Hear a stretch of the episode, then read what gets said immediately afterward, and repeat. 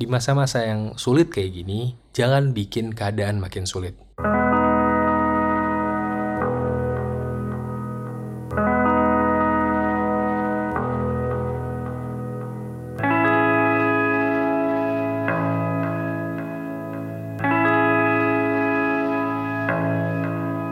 Hai, selamat datang kembali di Wisnu Kumoro Podcast. Buat yang nggak tahu ini apa, ini adalah podcastnya Wisnu Kumoro. Lebih tepatnya, salah satu dari podcastnya Wisnu Kumoro karena gue mengakui gue punya banyak podcast dan selama pandemi ini hampir semuanya nggak keurus ya. Jadi gue minta maaf sekali. Mulai dari Bedtime Story Podcast itu memang dari sebelum pandemi udah nggak keurus karena uh, kesulitan produksinya, kemudian 30-an podcast terpaksa berhenti dulu produksinya karena masalah uh, jarak antara gue dan Taufik kurang serak kalau nggak direkam bertatap muka sedangkan kalau bertatap muka kena PSBB jadi nggak bisa kemudian Gadgetainment Podcast juga ada satu dua kendala hal yang sama dengan 30-an podcast jadi uh, podcast-podcast tersebut akhirnya tidak mulus jadwalnya tidak sering update akhirnya Makanya gue melanjutkan podcast gue yang ini, Wisnu Kumoro Podcast. Karena di sini gue sendirian. Jadi apa yang akan kalian dengar adalah perspektif gue sendirian, apa yang gue pikirin, apa yang gue rasain, apa yang gue terima, langsung gue sampaikan kepada kalian. Dan untuk episode kali ini, ini agak spesial karena di episode yang ini gue pengen menjawab pertanyaan-pertanyaan dari teman-teman bahkan gak cuma pertanyaan sebenarnya karena ada juga asumsi ada juga opini yang akan gue bacakan juga dan semua ini gue tampung di Instagram gue, @wisnukumoro. Jadi kemarin itu gue membuka sebuah apa ya namanya? Ya open question sebenarnya. Kalian mau nanya apa? E, pertanyaan, opini, asumsi tentang Wisnu Kumoro silahkan sampein nanti gue bacain dan yang paling seru itu akan gue bahas secara mendalam di podcast gue. Kalau emang bahasannya dalam ya, tapi gue rasa bahasannya nggak akan dalam sih. ya banyak banget sih sebenarnya yang mengirimkan pertanyaan ya. Jadi gue sebelumnya mengapresiasi sekali teman-teman. Terima kasih banyak udah mengirimkan pertanyaan dan ada beberapa yang juga kayaknya ini ya cacian dan hinaan ya dan juga ada yang jualan ya di sini ya. Ini agak kurang ajar ya orang-orang Instagram kadang-kadang ikut jualan lagi di tempat begini. Ya intinya uh, terima kasih sekali lagi dan gue akan mulai bacain satu persatu dari yang enteng-enteng dulu aja. Mulai dari ini Marcel Raditya remote AC kita sama bang. Emang sih gue ngepost uh, di Instagram Story tuh uh, pertanyaannya ada gambar remote AC-nya, tapi yang nggak usah disama-samain juga dong remote AC-nya. Berarti satu merek kan? Ya oke. Okay. Yang berikutnya, yang berikutnya dari Light Shadow 09. Sempat lihat di Twitter katanya mau kuliah lagi. Jurusan apa bang? Um, well, gue udah kuliah dua kali dan untuk kuliah yang ketiga kayaknya gue pengen mendalami apa yang sudah gue lewati. S1 gue, gue kuliah International Business, S2 gue, gue kuliah MM, dan untuk S3 sebenarnya gue pengen meneruskan uh, tema skripsi dan juga tesis gue waktu itu. Skripsi gue tentang Roland, keyboard, kemudian tesis gue tentang JKT48, dan kalau ditarik uh, benang merahnya sebenarnya dua-duanya tuh membahas produk-produk dan juga service dari Jepang.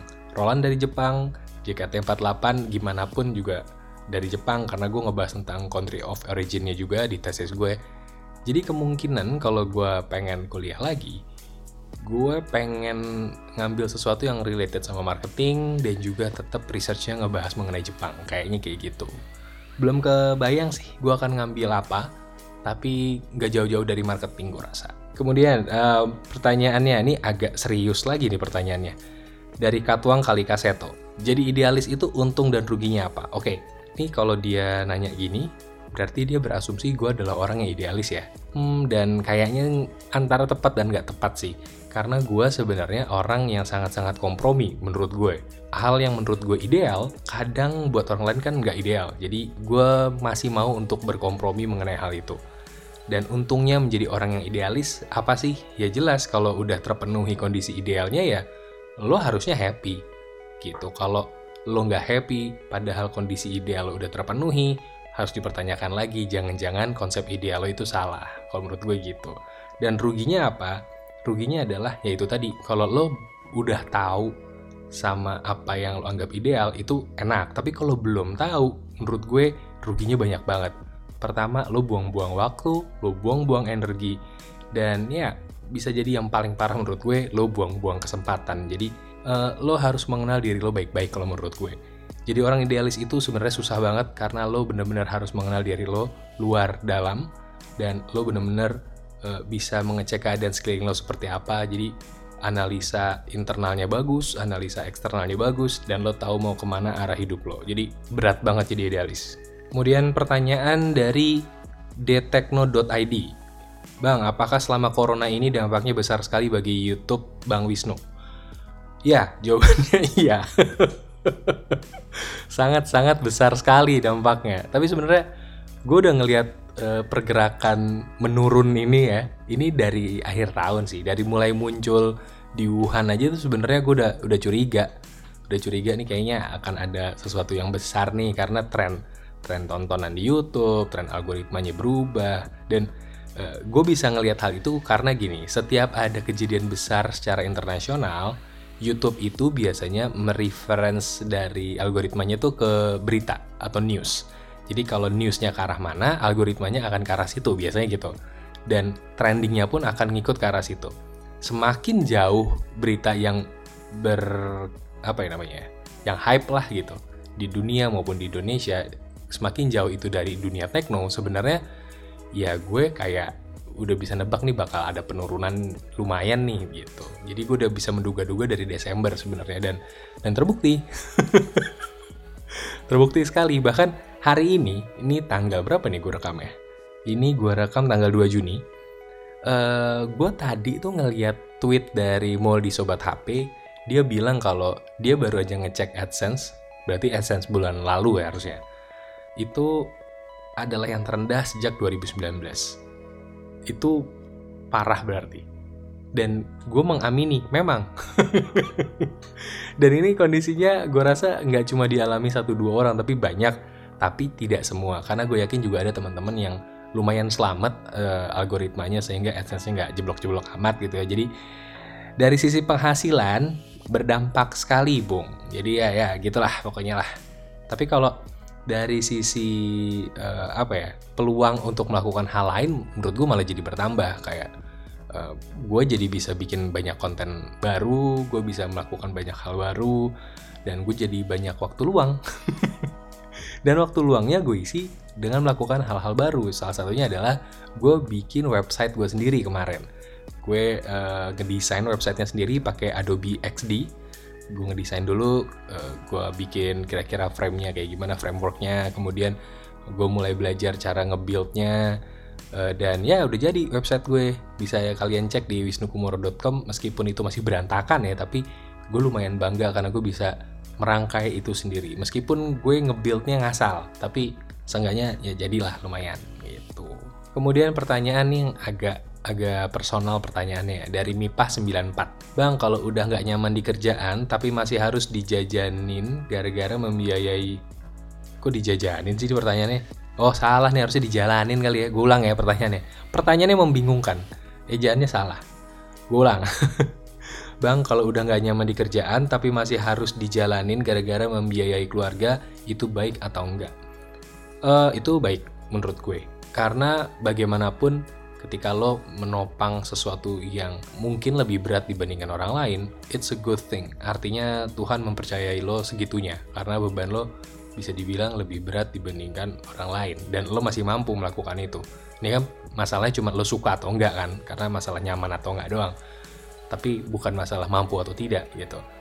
Lo mampu dan berarti lo bagus gitu. Nah sekarang tinggal bagaimana cara menyamankan atau mencari yang nyaman. Kan pilihannya tinggal dua itu kalau lo masih bisa untuk nyari yang nyaman dengan tetap bisa membiayai keluarga itu jauh lebih baik. Jadi silahkan aja cari yang nyaman tapi tetap bisa membiayai keluarga.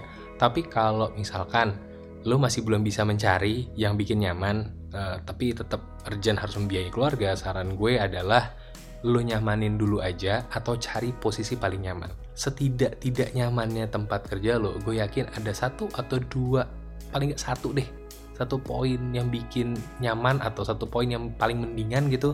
Nah lo eksploitasi poin tersebut. Kalau sampai tidak bisa dieksploitasi lagi kenyamanan yang ada di tempat kerja lo mau nggak mau menurut gue kasih pengertian ke keluarga lo kalau lo butuh waktu untuk mencari tempat yang lebih nyaman tapi berjanjilah lo akan membawa mereka ke tempat yang tadi semula gitu. Jadi yang terpenting adalah happiness kalau menurut gue. Kalau happiness keluarga lo adalah bagian dari happiness lo juga harusnya ketidaknyamanan itu pelan-pelan akan berubah jadi nyaman. Tapi kalau udah segitu toksiknya tempat kerja lo sampai lo nggak bisa bahagia juga di situ, yakinkan keluarga lo aja kalau memang lo udah nggak kuat di tempat yang toksik. Kalau menurut gue kayak gitu. Dan ini pertanyaannya luar biasa luar biasa banget ya. Gue sampai agak-agak bingung menjawabnya. Bervariasi sekali ya pertanyaannya. Karena berikutnya nih uh, ada pertanyaan yang cukup sulit gue jawab loh ini. Dari Jerry Aditya 11. Kapan Indonesia ada 5G? Kapan ya? Satu hal yang menarik, di Gunung Everest itu udah ada 5G. Ada tiga perusahaan China membangun tower di sana dan uh, udah dibangun towernya sekarang meskipun belum jadi, tapi towernya udah dibangun saat ini, harusnya udah kelar tahun ini juga harusnya. Jadi di Gunung Everest udah ada 5G di Indonesia ya yang masih bisa dihidupi orang-orang kalau Gunung Everest kan susah ya. Ini nggak ada malah di Indonesia. Gue juga bingung kenapa tapi ya kita doakan segera ya segera. Kemudian dari Jonathan Susanto suara lo enak didengar bang. Mau nyanyi atau ngomong doang? Rahasianya apa bang? Gue sebelumnya terima kasih ya suaranya dibilang enak. E, eh, gue pun sebenarnya tidak menyangka suara gue enak sebenarnya. Karena bertahun-tahun gue itu mencoba nyanyi dan orang-orang 80% apa 90% gitu bilang suara gue nggak enak. Ini seriusan. Sampai gue kuliah itu waktu gue bikin demo lagu atau apa, dibilang suara gue nggak enak. E, sekitar 10 persennya itu kira-kira orang hilaf lah yang bilang suara gue enak. Tapi waktu gue SMP gue gue ingat banget ada teman sebangku gue namanya Dani. Ini semoga orangnya denger ya. Dia pernah bilang ke gue suara lo sebenarnya kedengarannya enak no tapi kenapa lo kalau ngomong intonasinya kecepetan? Kalau nggak kecepetan kelambatan. Kayak nggak pernah pas aja. Dia pernah ngomong kayak gitu ke gue di saat kelas 2 SMP gue kayak nggak mikirin hal itu banget sih dari omongan dia kayak oh apaan sih? gitu. Tapi ketika gue mulai uh, bikin konten gue inget-inget lagi kayaknya ada benarnya karena di awal-awal gue bikin YouTube gue itu gue ngomong cepet banget. Tapi sempet di mana gue tuh ngomong lambat banget sampai kemudian gue kenal beberapa orang yang public speakingnya bagus. Gue juga sempat ketemu temen S2 gue namanya Felix. Dia adalah salah satu fasilitator di Talk Inc. Dan juga sekarang udah wah udah ke mana-mana tuh orang. Luar biasa banget tuh Felix. Dia yang bisa dibilang ngajarin gue bagaimana cara bicara yang runtut kemudian tenang dan juga bisa mengekspresikan diri tanpa harus uh, kehilangan arah ketika lagi ngomong gitu. Jadi gue belajar dari temen gue sih gimana ngobrol sama dia dan juga belajar teknik-teknik bagaimana cara bicara itu juga ada ilmunya sebenarnya. Kemudian ada yang nanya nih Ite Ite Zachan, aduh nama Instagram susah banget. Ite Zachan, ya oke. Okay. Mau nanya, duit yang hilang dari rekening jenius kakak jadinya gimana? Bisa balik nggak? Well, uh, gue gini, sebenarnya gue nggak mau bahas ini lagi secara ini ya, secara detail, karena gue udah ada perjanjian sama Jenius untuk ya sudah ini udah case close gitu. Uh, masalahnya sudah diselesaikan antara gue dan Jenius meskipun penyebab dari uh, kejadian itu sampai sekarang juga gue itu tidak dikasih tahu penyebab teknisnya kenapa. Jadi kalau ditanya kenapa sih Nu, kenapa ditutup-tutupin, gue nggak nutup-nutupin gue memang nggak tahu. Yang gue punya cuma dugaan berdasarkan kronologinya, di mana kronologinya udah gue sampaikan di YouTube video gue sampai ada dua video tuh ya. Jadi silahkan ditonton aja di situ. Udah segamblang itu gue sampein di situ. Dan kalau ditanya duitnya balik apa enggak, sebenarnya di video yang kedua gue udah bilang juga kalau duit gue udah dibalikin. Meskipun menurut gue tidak dengan mekanisme yang seharusnya menurut gue, tapi duit gue dibalikin gitu. Uh, dan ya gue sama Jenius sebenarnya hubungannya baik-baik aja karena uh, gue yakin Jenius introspeksi diri, gue yakin Jenius juga memperbaiki sistemnya Uh, tapi gue nggak mau pakai Genius lagi. Ya kan? Win-win solution aja udah. Ya lo bagus sana tapi gue nggak mau pakai lagi gitu ya. Ya gitulah pokoknya. Oke okay, kemudian ada pertanyaan lagi. Ini dari apa nih Smile Budi kenapa lo nggak mau bahas HP Xiaomi padahal HP murah zaman sekarang adalah dampak dari dia kenapa gue gak mau bahas Xiaomi lagi? Uh, Sebenarnya ada lagi nih. Kalau lo perhatiin, sebenarnya nggak cuma Xiaomi yang berhenti untuk gue bahas. Beberapa brand smartphone lain pun gue berhenti membahas. Kenapa? Karena menurut gue improvement dari tiap brand itu luar biasa banget. Ada brand yang bikin handphone tanpa lubang sama sekali, ada yang bikin uh, kamera depannya tidak ada di layar, jadi bener-bener naik turun, ada motoriknya gitu. Kemudian ada yang bikin wah macam-macam deh gitu. Sampai ada yang bikin kamera dengan lensa yang bisa uh, periskop gitu. Lensanya bisa ngelipat-lipat itu juga ada. Kemudian juga ada kamera yang bisa menembus uh, bahan baju. Kemarin juga udah keluar tuh OnePlus 8 gitu. Jadi uh, improvement dari dunia teknologi di bidang smartphone tuh sebenarnya cepat banget. Cuma ada beberapa brand yang tidak mengambil strategi itu.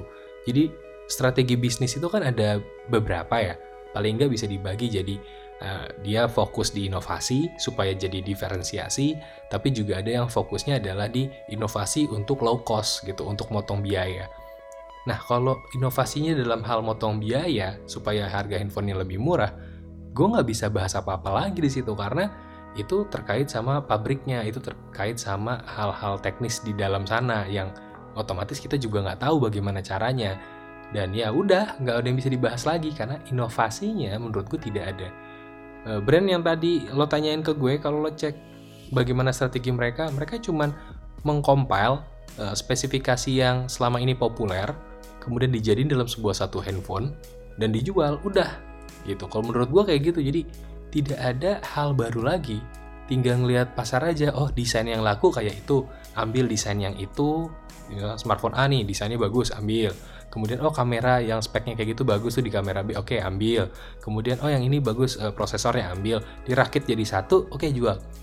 Maksud gue kayak gitu sih nggak salah. Secara hitung-hitungan itu bagus banget. Secara bisnis itu bagus tapi gue adalah reviewer teknologi jadi otomatis gue akan mereview teknologinya. Gue nggak bisa mereview barang yang itu lagi itu lagi dalam arti tidak signifikan berbeda secara teknologinya gitu. Jadi kalau ditanya kenapa gue nggak bahas beberapa brand smartphone tertentu gitu? Karena gue tidak memiliki kepercayaan terhadap mereka mereka akan berinovasi ketika someday mereka berinovasi, gue akan bahas mereka kok. Sebenarnya gitu.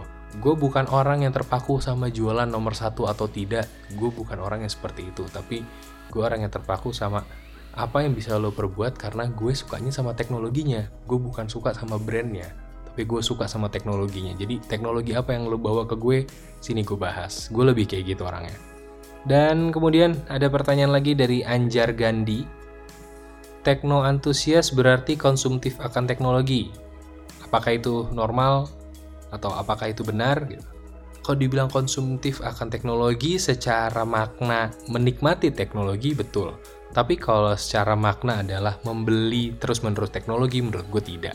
Sebenarnya teknoentusias itu adalah orang-orang yang mengikuti perkembangan mengenai teknologi. Menurut gue kayak gitu.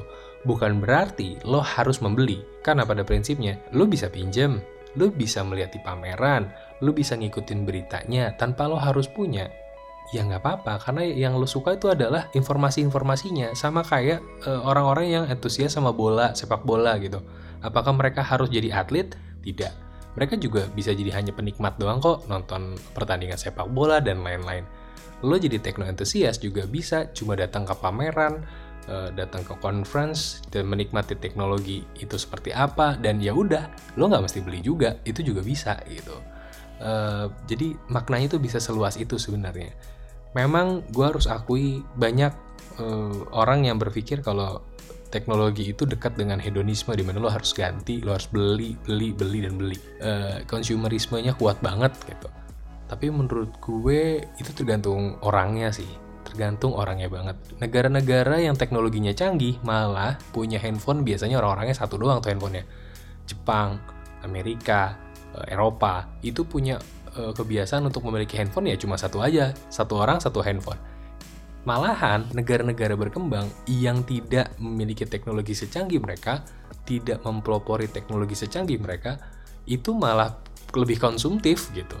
Itu adalah sebuah bukti kalau sebenarnya konsumerisme dan juga perkembangan teknologi itu nggak ada hubungannya. Konsumerisme ya lo mau hedon hedon aja dan kalau teknologinya mau maju ya maju aja gitu. Jadi dua hal yang sebenarnya menurut gue nggak linear, nggak mesti satu naik yang itu juga naik untuk gue enggak gitu karena balik lagi filosofi teknologi itu adalah bagaimana caranya hidup lo itu jadi lebih enak lebih simple lebih mudah dengan menggunakan sebuah teknologi itu prinsipnya teknologi sebenarnya fungsinya seperti itu mempermudah hidup orang menyamankan hidup orang dan juga mem membuat hidup orang tuh jadi lebih gampang.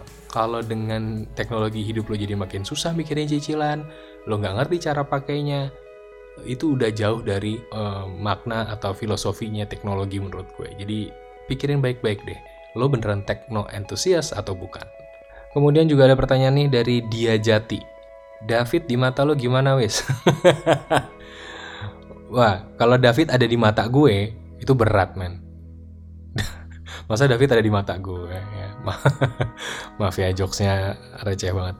Uh, ini ngebahas mengenai David gadgetin kan ya bukan David Copperfield kan uh, sebenarnya gini uh, mungkin kalau nanti ngebahas mengenai satu persatu tech reviewer Indonesia gue bisa bikin episode sendiri tapi uh, secara garis besar adalah kalau gue bisa bilang kalimat pendek mengenai seorang David Gadgetin gue cuma bisa bilang dia jenius dia baik dia dan yang ketiga adalah dia tidak seperti apa yang kalian pikirkan. Gue cuma bisa bilang itu karena apa yang kalian lihat di layar meskipun sering kalian lihat di layar mau entar layar handphone layar laptop atau mungkin layar TV gitu itu tidak mencerminkan orangnya aslinya seperti apa ada kehidupan di balik itu. Ada ada orang beneran human di balik situ. Dan David pun sama seperti itu. Dia adalah manusia biasa dia adalah uh, bisa gue bilang malah masih hitungan masih remaja nggak Fit ya? Dia adalah orang biasa uh, he's a really nice guy. Dan dia jenius. Gue sejujurnya lebih seneng ketika dia uh, off cam atau tidak di depan kamera. Pribadi yang sangat-sangat menyenangkan gitu. Dan gue bisa berani bilang dia adalah sahabat gue gitu. Jadi he's a really really nice guy. Gitu aja. Untuk nanti ngebahas satu persatu tech reviewer Indonesia gue bahas nanti di episode lain aja kali ya. Mungkin episode setelah ini. Itu ide yang menarik. Oke. Terima kasih atas idenya dia jati. Dan mungkin ini adalah pertanyaan terakhir abis ini gue bacain dari uh, Naufal Antono. Wah ini sering nih komen di Instagram gue nih. Yang harus dipersiapkan milenial selama masa pandemi agar masa-masa ini tidak menjadi masa yang sia-sia. Apa bang? Well, pertanyaannya luar biasa sekali. Ini kayak, ini jangan-jangan ini ya, PR esai dari guru lo ya. ini kalau masih belajar, gurunya ngasih esai begini kali ya sebentar, milenial itu uh, tidak semudah yang kalian pikir loh. Gue milenial, di usia gue gue milenial karena milenial itu kalau dilihat dari umur ya, saat ini yang namanya milenial itu antara umur 20 sampai 40 tahun loh. Itu rentang yang lebar sekali. Berarti artinya Taufik Nobo pun milenial. Jadi uh, untuk ngebahas mas-mas kayak Taufik Nobo apa yang harus dipersiapkan dia selama masa pandemi agar gak sia-sia ya kerja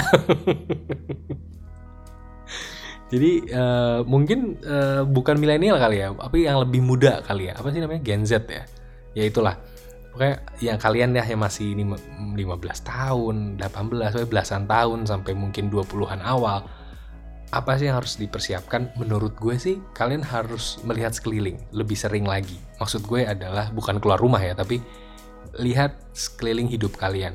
Karena masa-masa pandemi gini adalah masa-masa di mana aslinya tiap orang tuh keluar aslinya tiap orang itu kelihatan. Orang-orang yang selama ini ada di balik topeng sosial, gue nyebutnya topeng sosial gitu ya, social masquerade, e, bersembunyi di balik persona mereka masing-masing. Pada saat pandemi gini tuh biasanya kelihatan aslinya gimana. Gue nggak bilang pura-pura baik, tapi menampilkan baiknya saja tiba-tiba mulai kelihatan e, bagaimana emosionalnya dia. Kemudian orang-orang yang selama ini kelihatan tenang, tapi ternyata sebegitunya nggak sabaran itu bisa kelihatan di momen-momen kayak gini. So, perhatiin baik-baik sekeliling kalian. Ini adalah momen yang sangat jarang terjadi. Belum tentu generasi sebelum kita itu mengalami juga. Jadi, ini adalah momen yang bisa dibilang apa pun bisa terjadi. So be careful. Hati-hati dengan apa yang lo lakukan, hati-hati apa yang lo sampaikan di sosial media, hati-hati dengan apa yang lo pikirkan bahkan karena itu bisa berdampak banyak uh, ke hidup lo.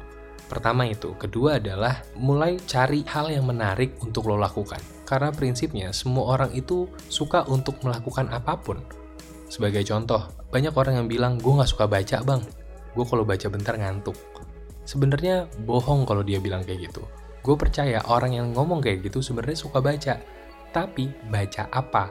Gitu. Karena kalau dia bilang baca buku dia ngantuk silahkan coba baca uh, caption Instagram gue rasa dia nggak ngantuk dia akan nikmatin aja gitu jadi sebenarnya setiap orang tuh suka melakukan apa pun tapi mungkin jenisnya beda-beda nah kalian perlu tahu jenis yang kalian suka yang seperti apa kalau memang kalian sukanya baca sosial media, nggak apa-apa kok, tapi pelajari. Jadilah seperti Gary V. Gary V adalah orang yang belajar dari sosial media, kemudian menggunakan sosial media untuk berhasil di sosial media. Itu yang dia tuliskan di bukunya, Crushing It. Kalian bisa baca bukunya dan bagaimana cara dia untuk uh, menjadi dirinya sendiri dan berhasil di sosial media. Dan kalau kalian misalkan suka baca buku, itu lebih bagus, kalian bisa belajar lebih banyak lagi. Tapi kalau misalkan kalian suka bacanya koran, ya silahkan baca koran. Atau misalkan kalian bener-bener, uh, gue gak suka baca sama sekali, gue sukanya nonton. Silahkan nonton film, nonton dokumenter, nonton apa pun yang bisa menambah wawasan kalian. Kalian sukanya denger doang, denger lagu, denger apa, silahkan denger lagu. Bahkan sekarang juga banyak kok audiobooks, buku yang diaudiokan. Kalian juga bisa dengerin itu untuk menambah wawasan kalian. Setelah kalian wawasannya cukup, pengetahuannya cukup, saatnya untuk membuat sesuatu. Jadi uh, perhatiin sekitar kalian, kemudian uh, terima sebanyak mungkin input, dan yang terakhir adalah bikin sesuatu. Lakukan hal yang kalian suka berdasarkan yang tadi minat kalian itu. Gitu. Kalau kalian sukanya di bidang seni, ya lo ngelukis kayak, bikin lagu, bikin musik, bikin film, bikin apa pun yang lo suka. Bikin aja dulu gitu. Jangan peduliin komentar orang apa pun itu, bikin aja dulu karena lo nggak akan pernah tahu lo bagus atau enggak kalau nggak ada yang dinilai. Jadi ya bikin aja dulu. Dan prinsip itulah yang gue pakai untuk gue bikin podcast kali ini. gue nggak tahu podcast ini akan bermanfaat untuk kalian atau tidak, tapi yang gue tahu adalah gue bikin aja dulu, ya kan? Dan ya sekian dulu kayaknya podcastnya karena kayaknya udah kepanjangan juga. Uh, sekali lagi terima kasih untuk yang mengirimkan uh, komen, pertanyaan, asumsi ke gue. Maaf banget gue nggak bisa bacain satu-satu, tapi sekali lagi terima kasih. Dan sebagai penutup, gue cuma bisa bilang, di masa-masa yang sulit kayak gini, jangan bikin keadaan makin sulit. Itu aja. Jadi lakukan semua hal yang gak membuat hidup lo jadi makin sulit. Dan sampai ketemu di podcast berikutnya. Eh, pantengin terus Wisnu Umur Podcast. Sampai jumpa. Dadah.